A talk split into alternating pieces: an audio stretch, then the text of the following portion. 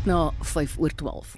Eskom se bestuurshoof, Andre de Ruyter, sê ondersoeke is geloods na 'n reeks ongelukke en verdagte voorvalle in die afgelope 24 uur. Hy tydens 'n media-konferensie hieroor uitgebrei.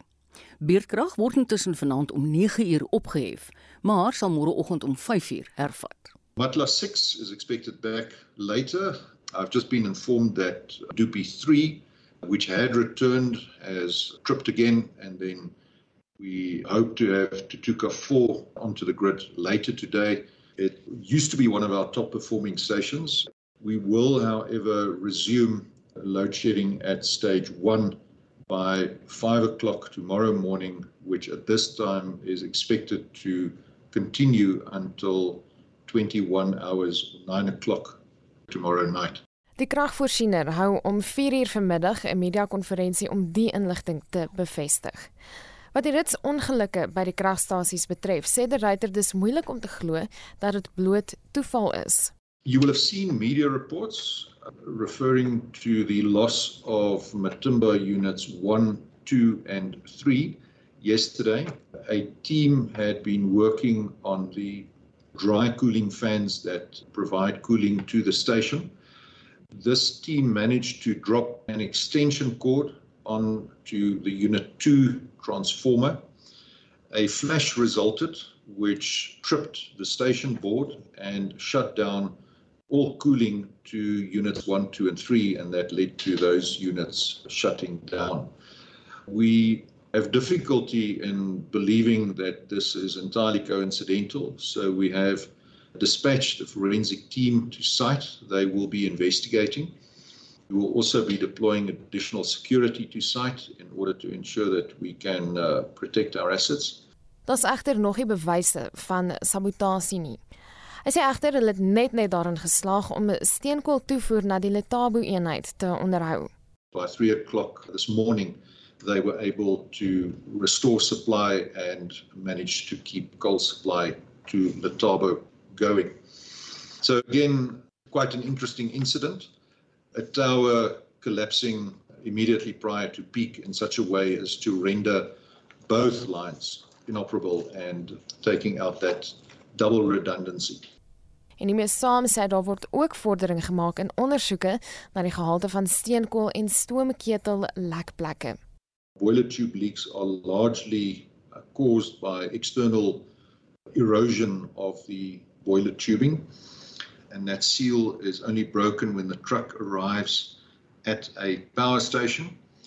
We have recently discovered a truck at one of our power stations where the truck driver had 60 of these seals in the cab of his truck.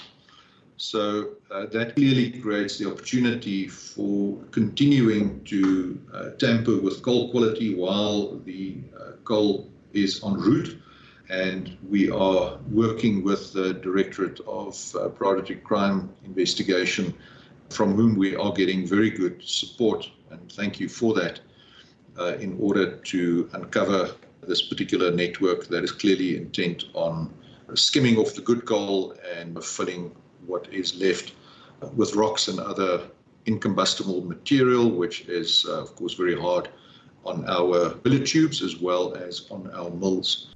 Intussen waarskei teen spekulasie en vervolgingswaan. There is definitely significant pushback from some of the networks that have benefited extensively from criminal activity in and around Eskom. We are tightening the screws. There have been a number of reports of arrests, people that have been subject to disciplinary action, people that have had money forfeited to the state by unexplained millions in their bank accounts and so forth. So I think that there are quite a few people who are not fully aligned with the new direction that Eskom is taking to clean up its operation. Dit was Eskom se bestuurshoof Andre de Ruyter. Marlene Forsie, SAK nuus. Ons bly by hierdie onderwerp en vir sy mening oor hierdie kwessie praat ons nou met Solidariteit se adjunk hoofsekretaris vir die openbare bedryf, Helgard Kronje. Hallo Helgard. Middag Marita. Jy het nou gehoor wat Eskom se bestuurshoof Andre de Ruyter vanoggend gesê het. Wat is jou indrukke? Ehm um, my indruk is dit is eintlik iets niets nie. Ehm um, ons is ons hoor gereeld van sabotasie, nalatigheid en hierdie tipe van van uh, gebeure waar werknemers en korrupsienetwerke en kriminele netwerke eintlik aangehaal oor hulle gepraat word. Ehm um, die algemene gevoel is dit is daar en ons ondersteun dat hierdie goed aangespreek word. Ons het self al verskeie veldtogte teen korrupsie gehad teen vorige uitvoerende hoofde van Eskom. Ehm um, die belangrike ding is egter dat 'n mens baie versigtig moet wees om veralgemenings te maak in hierdie tye waar werknemers van Eskom wat wel lojaal is, mm. ehm um, ook eintlik half neergekyk word op. So dit is baie belangrik om weg te bly van algemene stellings, maar wel die spesifieke gevalle te ja. ondersoek en daai mense te vervolg. Elgard, ek het die indruk gekry dat Ruiter is baie versigtig om spesifiek te praat van sabotasie. Duidelik sonder dat hy klinkklare bewyse het, sal hy dit nie sommer doen nie. Maar wat is die impak van beweringe van sabotasie op werknemers by die kragvoorsiener? Werknemers soos jy nou gesê het wat baie getrou is en lojaal is. Probleem is dit maak hulle natuurlik ook teikens. Ehm um, daai is mense soos ek en jy wat ook in die wat ook belastingbetalers mm. is en wat natuurlik verantwoordelik is om in tye wanneer dit wel moeilik gaan oortyd te werk en daai ekstra te gee om die ligte aan te hou sover as moontlik of dit ten minste so gou as moontlik weer aan te kry. Mm. En as jy mens daai mense uh, se moraal negatief affekteer deur deur deur sulke stellings, dan gaan hulle produktiwiteit afneem en dit kan die situasie by Eskom baie vererger. Jy sê dat dat hulle reeds in 'n moeilike situasie is. As jy in die ruiter se skoene was, dan was nou die afgelope 24 uur verskeie ongelukke by Eskom. Wat sou jy gemaak het?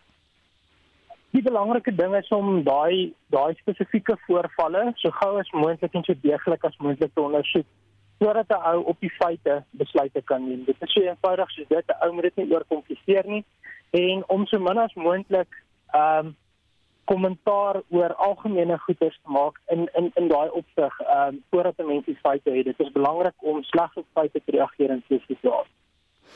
Daar is veral van voormalige Eskom bestuurshoofde verskeie aanvalle op die Ruiter se leierskap en sy vermoë om die kragvoorsiening reg te ruk. Dink jy hierdie aanvalle op hom is geregverdig?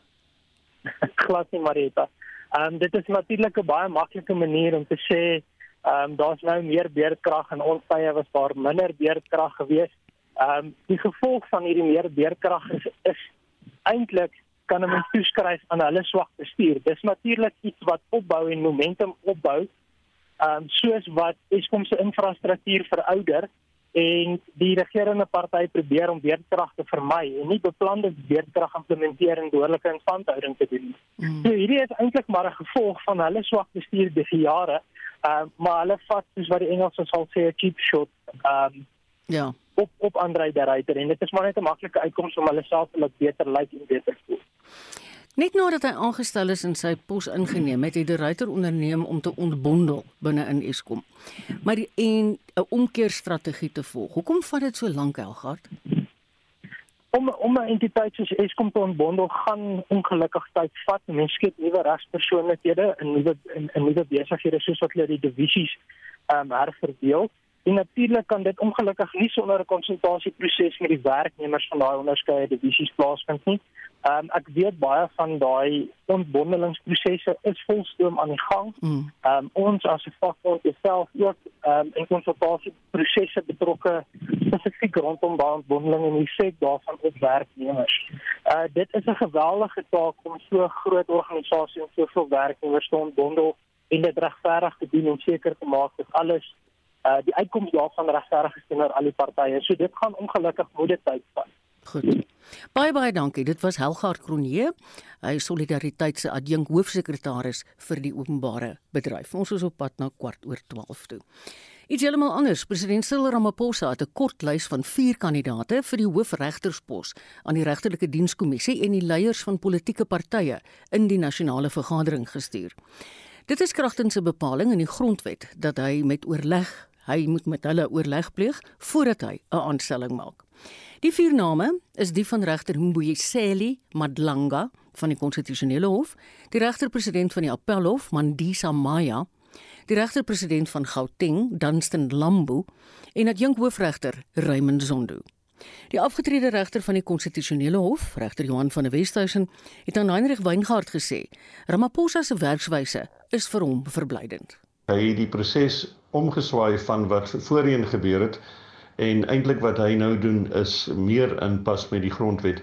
Dit sou beter gewees het indien hy dit van vroeg af verduidelik het dat dit is wat hy beplan om te doen want sommige van sy kritici sê nou dat hy het nie die ruggraat om 'n besluit te neem nie en derhalwe skop hy vir die kantlyn elke keer wanneer hy dit eers verder verwys maar ek dink as hy die ruggraat het om net self te besluit wie hy wil hê en hy besluit op 'n persoon wat baie ongewild is soos wat dit in een of twee gevalle voorheen was dan is die kritiek teen hom nog eintlik baie sterker.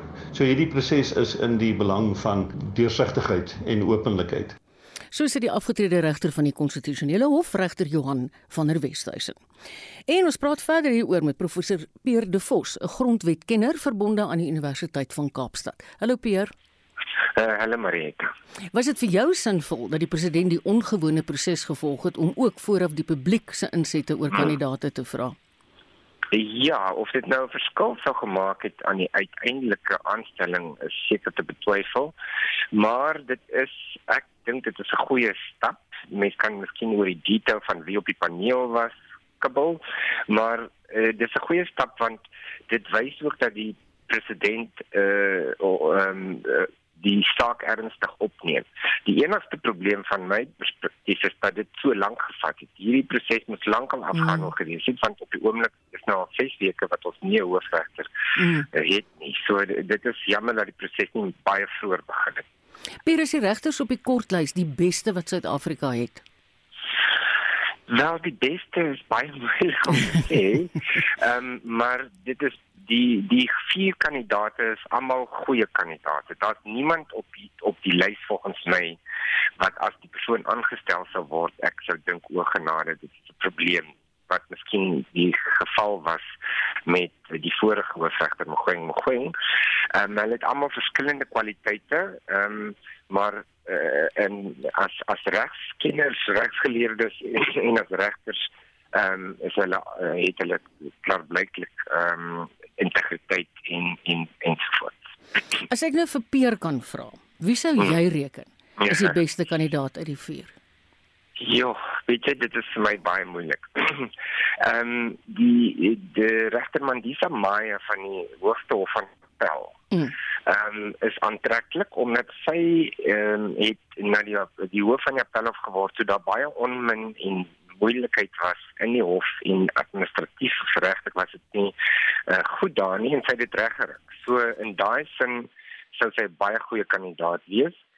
Miskien omdat hy al reeds op die grondwetlike hof ehm um, uh, is mm. ehm um, en omdat hy 'n baie goeie jurist is, uh, is ek ook nogal ehm um, ten gunste van uh, regter Matlanga wie Selim Mtlanga.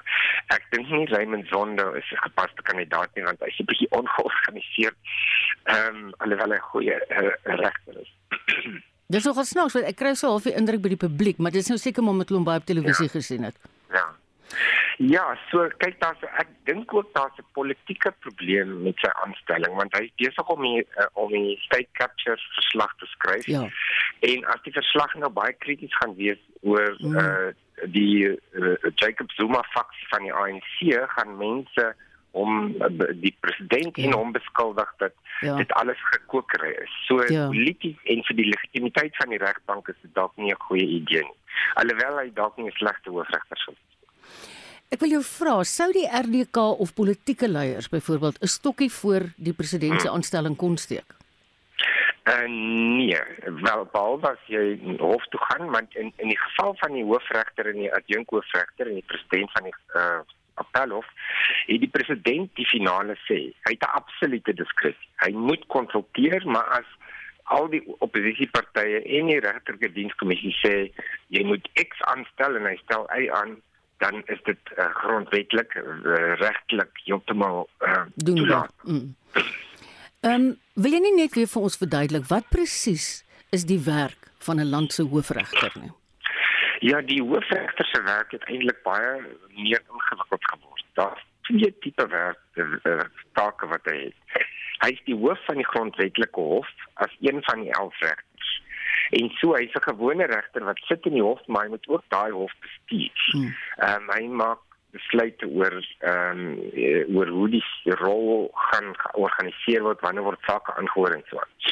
Maar hy is ook die uh hoof van die hele ehm um, van die hele regstelsel van uh, die hoër howe die appelhof en die grondwetlike hof hy die daar die die uh die uh, ehm um, kantoor van die van die uh, van die regbank. So dis baie administrasie. Mm. Ja, so dis baie administrasie. So dis nie net in die verlede was die die persoon net die hoof van die grondwetlike hof. Nou is daar al hierdie ander administratiewe mm. take. So dit is eintlik 'n baie moeilike werk om te doen want jy moet 'n briljante jurist wees, so jy moet ook eintlik baie effektief wees in al die mense bestuur. Ek van daar jou opmerking oor oor Raymond Zondo. ja, ja. Ehm um, ja, uh, hy is miskien uh, hy is hy miskien te ehm um, goed die uh, goed, uh, goed gesind hy is miskien ja. te vriendelik en ja. uh, soos hulle in Engels sê too nice a person to do the job. Ek hoor jou. Kan ek jou oor die algemeen vra, hoe staan hmm. sake met ons regstelsel of ons regstaat hmm. in die algemeen? Sjoe, dis 'n moeilike vraag. Daar op die oomblik is die grondwetlike hof uh, in 'n wankelende posisie want daar is nou verskeie vakatures. Daar's twee poste wat die, wat wat vakant gegaan het verlede jaar al wat die die name van uh, kandidaate is by reg by president Ramaphosa en hulle is nog nie aangestel nie. Dan is daar twee mense wat afgetree het en die hoofregter Mogoeng het afgetree. So net 6 van die 11 regters is tans permanent daar. So dit is glad nie aanvaarbaar nie. Dit is ja, hoe dit gebeur het, weet ek nie. Ehm um, maar die en die hof se kwaliteit van sommige van hulle uitsprake oor die laaste paar jaar was 'n bietjie ehm um, uh, was miskien nie so goed in sekere mm. gevalle nie. So daar daar sulke vrae. Maar in uh, en ons as ons nou die landdroshowe ehm um, een kant los van daar miskien meer probleme daar ja. maar in die hoërhowe in die algemeen is onafhanklik. Uh is dit uh, bereid om moeilike besluite te neem. Ehm um, so in daai sin is dit is dit 'n goeie ding en min of meer word hofuitsprake nagekom. Self die ehm um, die tronkstraf wat aan uh, nee, ehm um, Jacob Zuma toe gestem is, dit is uitgevoer. Ehm um, ja. ten spyte van die politiek daarop. Mm -mm. So uh, ja, so dit is nie perfek nie maar dit kon baie erger gewees het. Jy skaam jou om nie om te sê jy's 'n jurist in Suid-Afrika nie. nee, uh, dis ook omdat uh, ek dink die die wat gebeur het in die laaste paar jare is daar's baie meer ehm um, die die regsberoep daar daar's regtig baie debat en so aan. Ja. So ja, so dit is dit is uh, dit is goed die die regstelsel help ons uh, om um, om wal te gooi ja. teen korrupsie mm. en en al die probleme. Baie baie dankie Pierre. Dit was Pierre de Vos, professor wat die Claude Leon leerstoel in grondwetlike regeringskunde aan die Universiteit van Kaapstad bestuur en beheer. Tussenverkiesings sal moontlik gehou word in sommige munisipaliteite waar geen partye 'n volstrekte meerderheid kon behaal nie. Daar's net 7 dae oor om koalisieregerings te vorm. Die veelbesproke koalisiegesprekke tussen die DA, die Vryheidsfront Plus, Cope Action SA, die Patriotic Alliance, UDM en die ACDP om Gauteng se metro's te beslis, het maandag reeds in die hek geduik. Joan Marie Verhoef. Kiesers is onseker oor wie die munisipaliteite sal beheer waar niemand 'n volstrekte meerderheid gekry het nie. Meer as 60 grade is hier ter sprake en partye het tot 23 November om 'n koalisieregering te vorm. Dit is wat kiesers te sê gehad het. These people, they need us to vote. But uh, to me, each parties, they just fight each other. Then they fight, they fight, they fight. I feel very uncomfortable about the whole leadership. It makes me wonder if we really need to vote next time because, I mean, as a country, we are hopeless about the leadership. Sometimes compromises have to be made, but the problem is there is no compromises being made for the people. it's only made for the political parties themselves. Die EFF het Dinsdag 'n onderbreking in samesprekings met die ANC aangekondig, terwyl die Vryheidsfront Plus, Action SA en die DA beloof het om nie saam met die ANC of die EFF te werk nie. Intussen het die Patriotic Alliance aangedui dat hulle reg oor die land met die ANC sal werk. In KwaZulu-Natal het die IFP ook 'n uitdraai gemaak en aangedui dat hy ook nou saam met die ANC sal werk. Indien politieke partye nie met mekaar kan saamstem nie, vereis die wet op munisipale strukture dat die plaaslike departemente van samewerkende regering ingryp deur 'n administrateur aan te stel. Alternatief sal die raad ontbind moet word. Indien dit misluk, sal 'n tussenverkiesing na 90 dae verklaar word.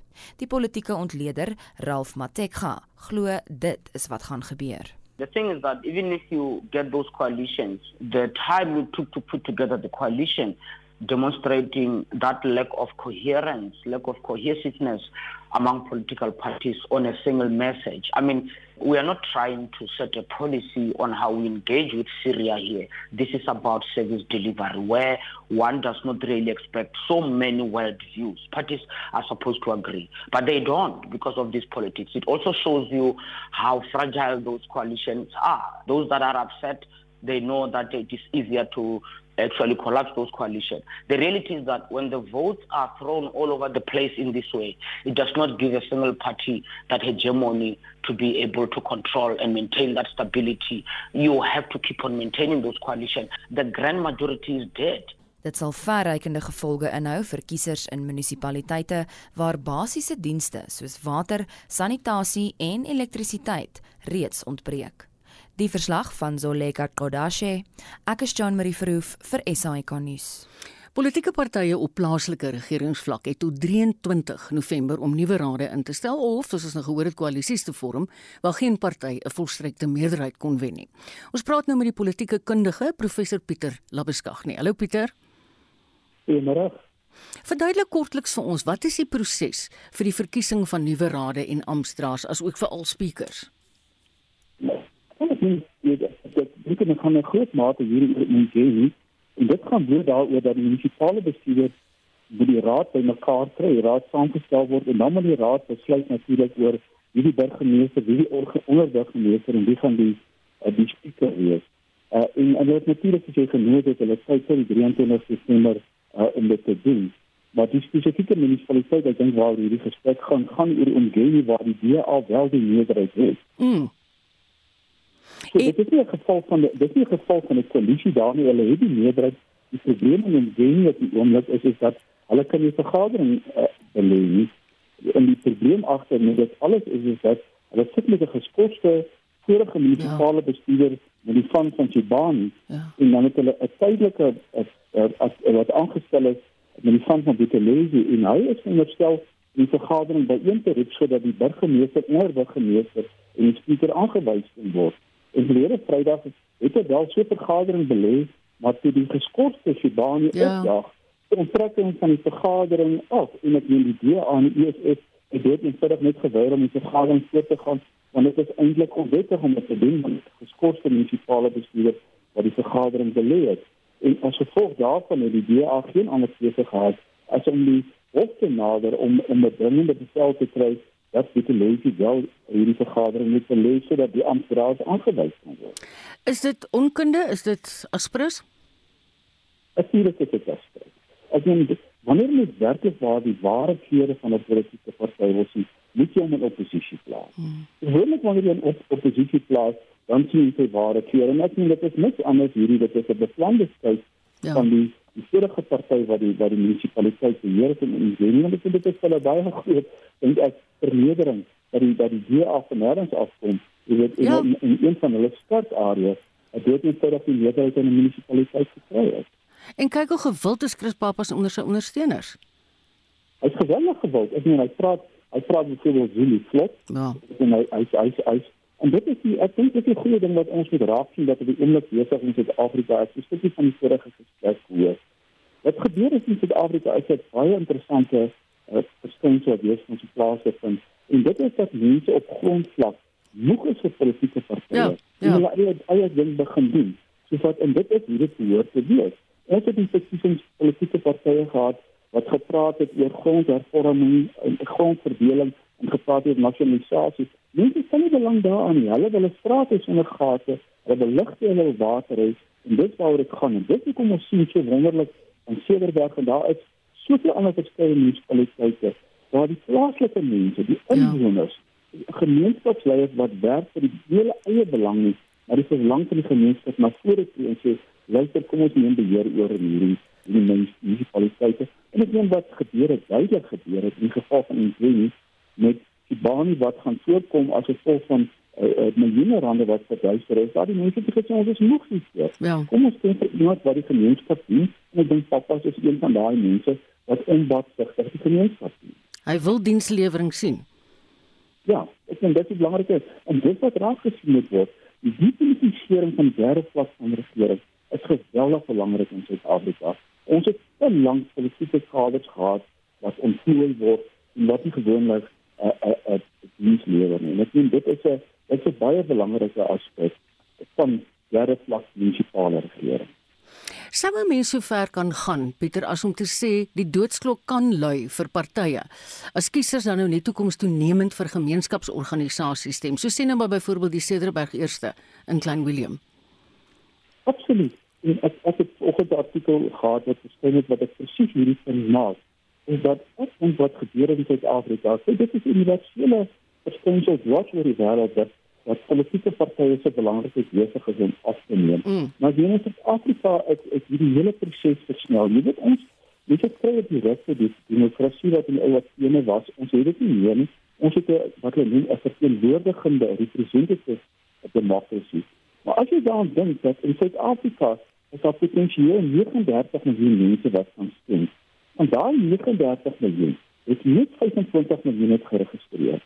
En van daai 25 miljoen, 14 miljoen nie is die moeite gedoen om ja. te gaan stem nie. Mm. En die 11 miljoen wat wel gestem het, het baie van hulle dood eenvoudig uit loyaliteit gestem iets meer as as ander. Is wat mense net sê. Is dat van daai mense wat gestem het, as dit telling gedoen ja. het, meer as 100 100 000, hulle stem die liewe te daar. Dit is eintlik nog 'n verdere teken van protest. En daai 14 miljoen wat nie opgedaag het nie, wat die moeite gedoen het om te registreer, het net gesê julle is nie belangrik genoeg nie. Julle mm. spreek nie ons langer ons probleme aan nie. En die groot uh, die groot teken sien mense al by die jong mense. Dit in 2009 het het het daar uh, amper 700 000 18 en 19 jariges geregistreer. En vir hierdie petisie het net 169 000. Mm. Dis baie waar. Ja, helfte van hulle het nog weggebly en nie gaan stem nie as jy kyk na die na na na die stemsyfer ja. wat wat plaasvind. Pieter baie baie dankie. Dis professor Pieter Labeskagni. Hy is 'n emeritus professor in politieke wetenskap aan Unisa. Dis 26, nee, 24 minute voor 2 en jy luister na Spectrum. Ons het vroeër in die program vandag aandag gewy aan die moeilikheid met beurtkrag waardeur die land tans weer getref word. Ons kry nou reaksie van professor Andre Roo. Andre is 'n dosent in ekonomie aan die Universiteit Stellenbosch se bestuurskool. Hallo Andre. Hallo Mariet en goeiemôre aan al die luisteraars. Wat is die ergste implikasie van beurtkrag op die sake sektor?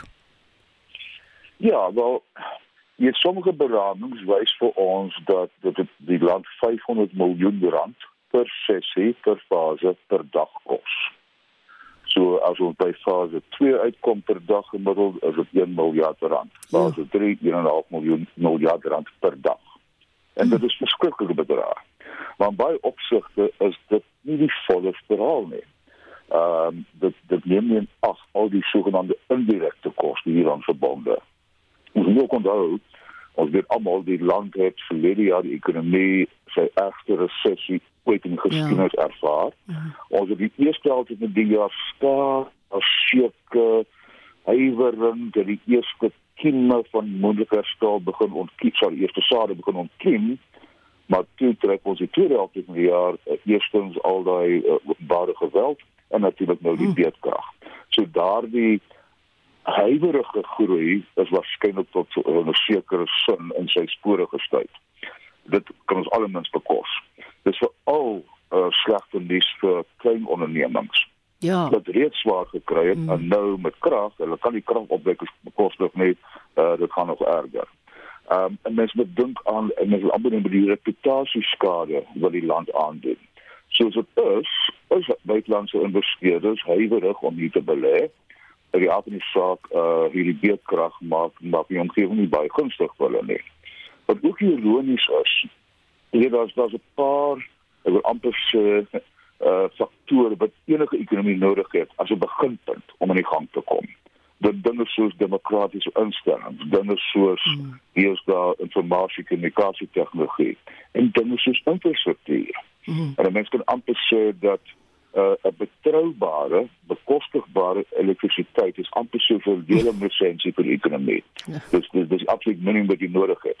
Ironies, ons vaar baie beter as dit kom by meer gevorderde dinge soos innovasie en ekosisteme en dis meer. Maar as dit kom by die basis by die lewensessensie, mm. mm. is ons besig om al al al minder suksesvol te wees.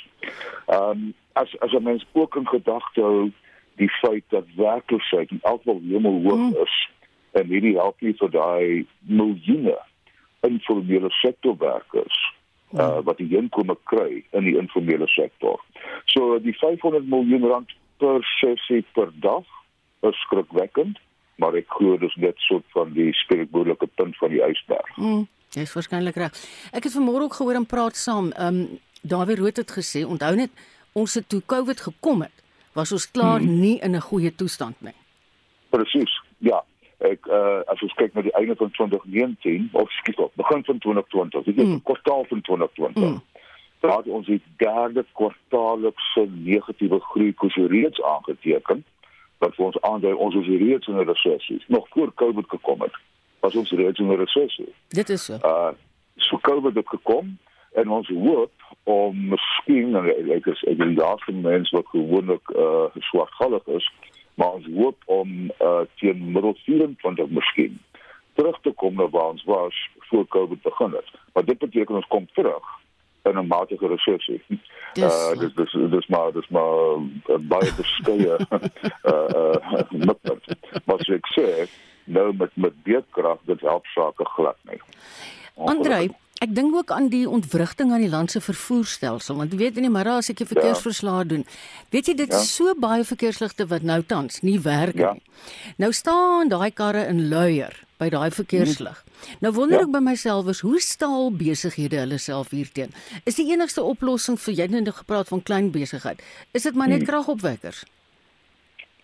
Wel, ja, maar kom ons kom ons praat eers van die spesifieke punt wat jy noem. Ek het nou daar gedink terwyl die, die verkeersverslag gelees is.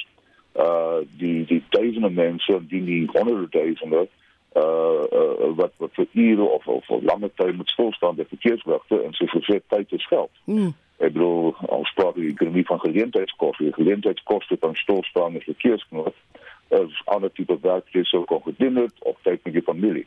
En dis deel van 'n indirekte koste, moeilik is om te meet. Ehm um, kragopwekkers ja, maar dis duur. Um, ja. Groot organisasies kan dit kan dit maklik bekostig. Maar diesel is duur. Ja, maar klein organisasies en dan voeg mense nie by die neig geneig dat die afloop uh, amper 2 jaar vir al hoe meer mense by die huis te werk onder die duisende mense. Mm. Dit alles goed en wel, jy verby die verkeersknope, maar as ek myself vat as daar kragonderbreking is, dan kan ek nie my my werk doen. Ja. Ja. Ek kan aan my klasse gee nie. Ek kan nie vergadering bywoon nie.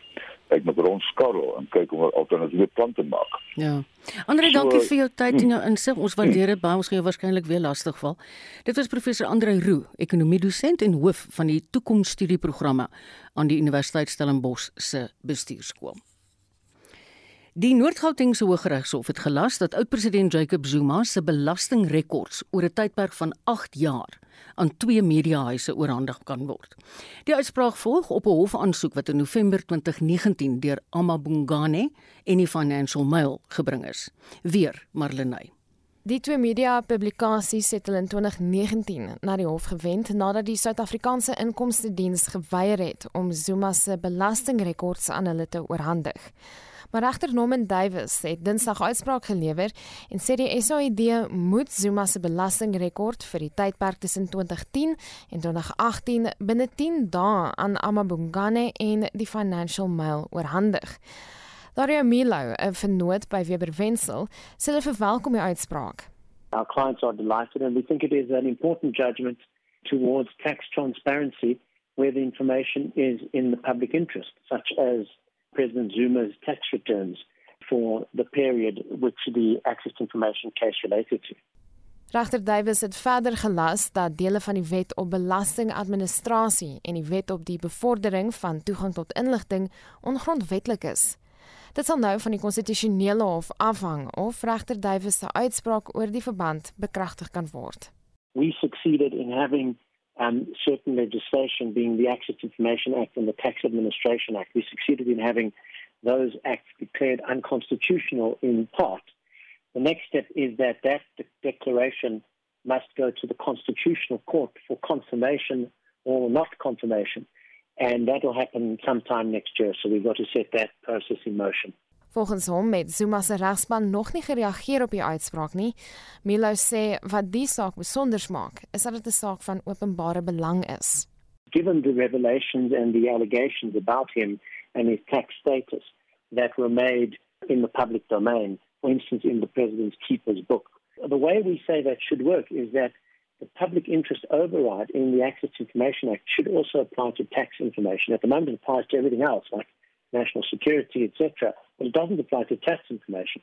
And the judge agreed that it should apply to tax information and that the relevant legislation was unconstitutional where it said that tax information can never, ever be made available to the media, even if there is a public interest.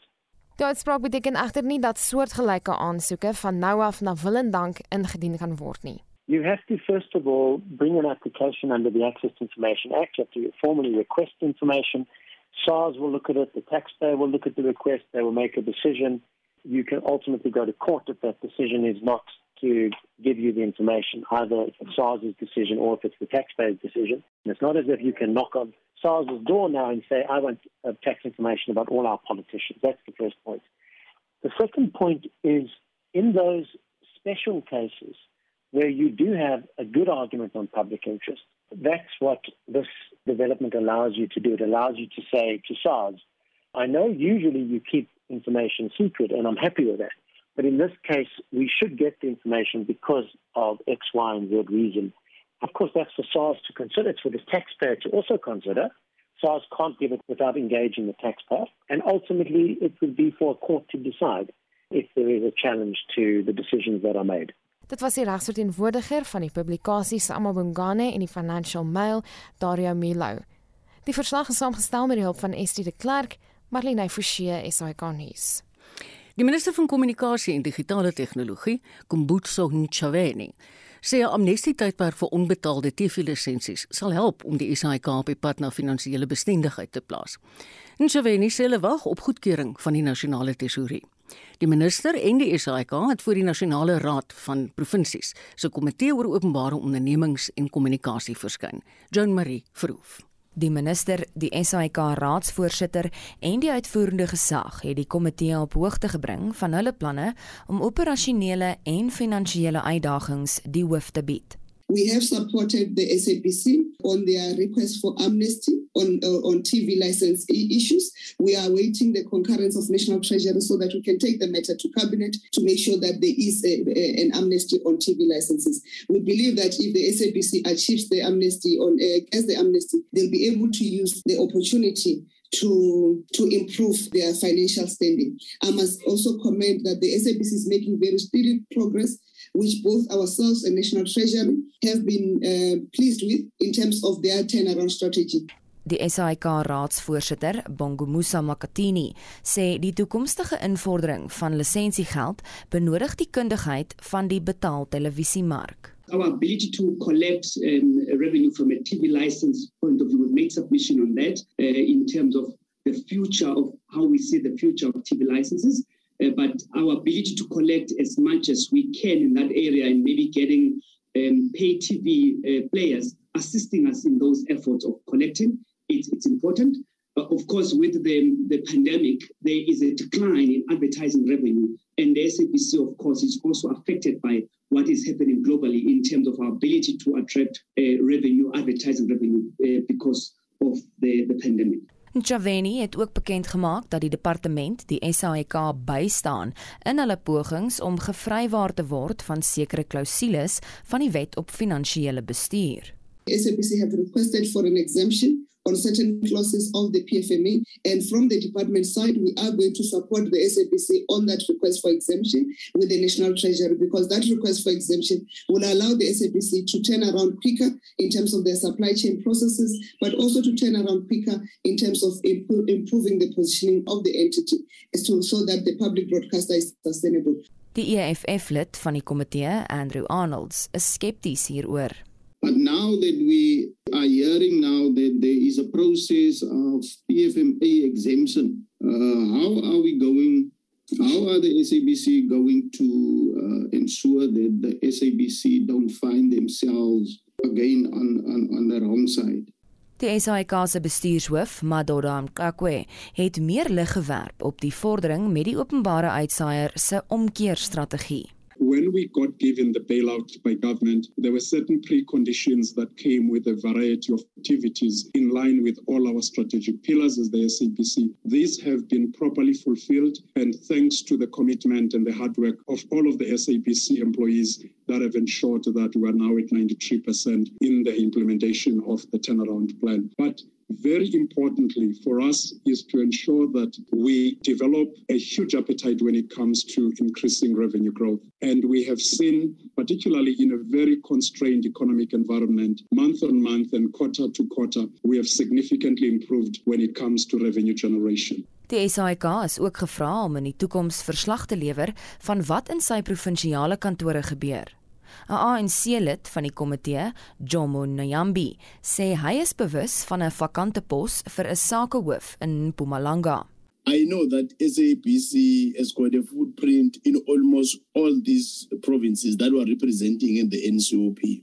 So it's going to be a very good thing for us to have a sense of the situation of these provinces that were representing and understand what SABC is doing of course, not be deprived of having an understanding of what is happening at national level.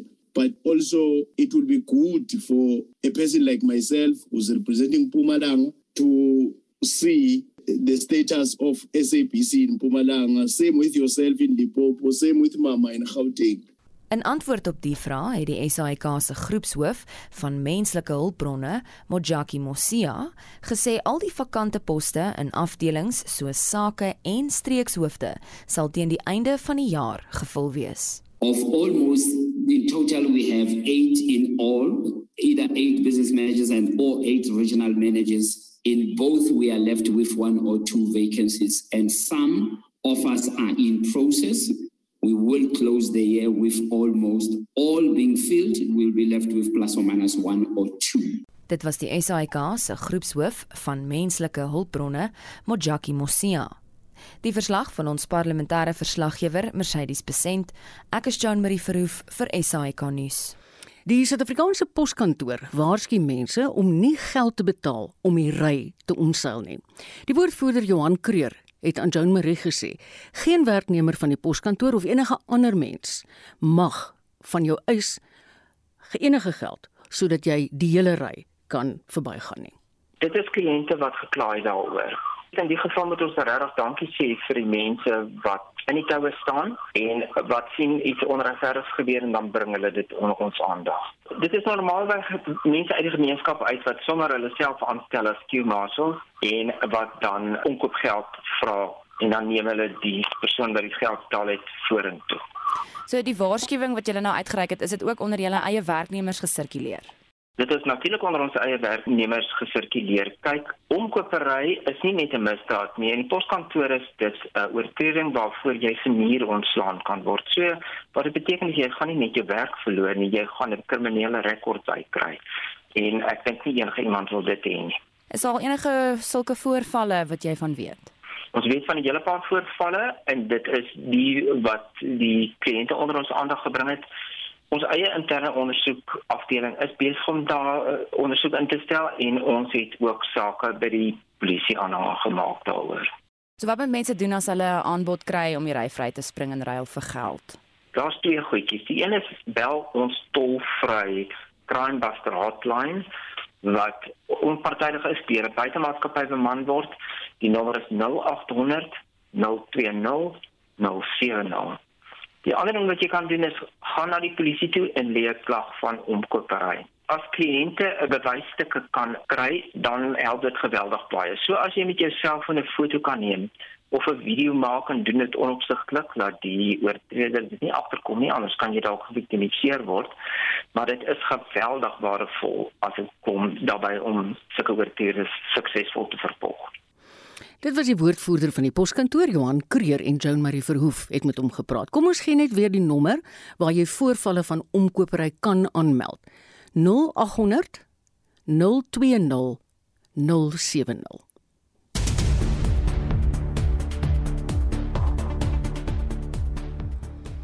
sy het van die poskantoor af geskiet en hier sit sy oorkant my dis weer Joan Marie wat vir ons 'n opsomming van die nuus gaan gee. Hallo Joan. Goeiemiddag. Fase 2 beerdkrag word vanaand 9 uur opgehef, maar fase 1 beerdkrag sal môreoggend 5 uur weer ingestel word.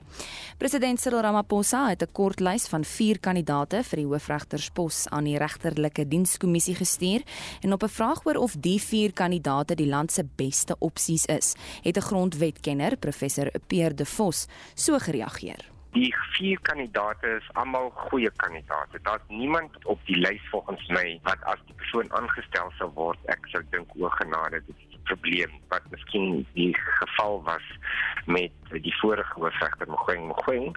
Ehm um, hulle het almal verskillende kwaliteite, maar en as as regskenners, regsgeleerdes en as regters het hulle klaarblyklik integriteit Kaapstad se eerste raadsvergadering het vandag plaasgevind. Die nuutverkose burgemeester Gordon Hill Lewis het die raad vir die heel eerste keer vroeër vandag toegespreek. It is the singular honor of my life to address you today for the very first time as the mayor of the city of Cape Town. I am deeply humbled by the trust that you have placed in me to lead our great city into that future. I pledge to work every single day to deepen the trust that you have placed in me and the government team that I now lead. But all that we may achieve will only be possible because we build on the work of those who have gone before. I wish to sincerely honor, from the bottom of my heart, Mayor Dan Plato, who laid the foundation that we will build on over the coming five years. Except for you, Dan, baie baie dankie. Dan Kaapstad se burgemeester Jordan Hill Lewis.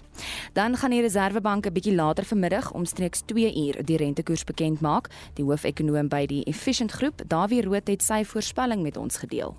Die monetêre beleidskomitee het eintlik basies twee keuses. Hulle kan of rentekoerse verhoog of hulle kan rentekoerse onveranderd laat. Nou die realiteit is is dat inflasiedruk in Suid-Afrika oor die afgelope tyd redelik toegeneem het. Wêreldwyd om die waarheid te sê is inflasiedruk besig om toe te neem en 'n klompie sentrale banke internasionaal het al reeds begin om rentekoerse te verhoog. En dit beteken onvermydelik dat Suid-Afrika ook maar die internasionale tendense moet volg. So ek is redelik seker dat rentekoerse verhogings oor die volgende klompie maande in Suid-Afrika 'n realiteit gaan word.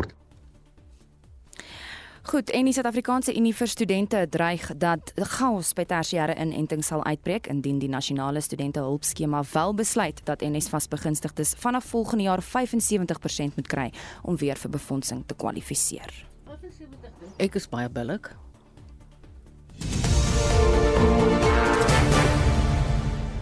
En daarmee kom ons aan die einde van vandag se Spectrum. Ek groet namens ons hele span. Die uitvoerende regisseur is Nicoline de Wee, die redakteur Justin Kennedy, produksieregisseur Daitron Godfrey. John Marie Verhoef het baie hard gewerk, Marlenae Forsie het baie hard gewerk. Ons sê dankie vir almal op die redaksie. Ek is Marieta, ek groet jou tot so 3 uur vanmiddag en die Kaap wag vir jou met die 1 uur nuusbulletin. Mooi loop.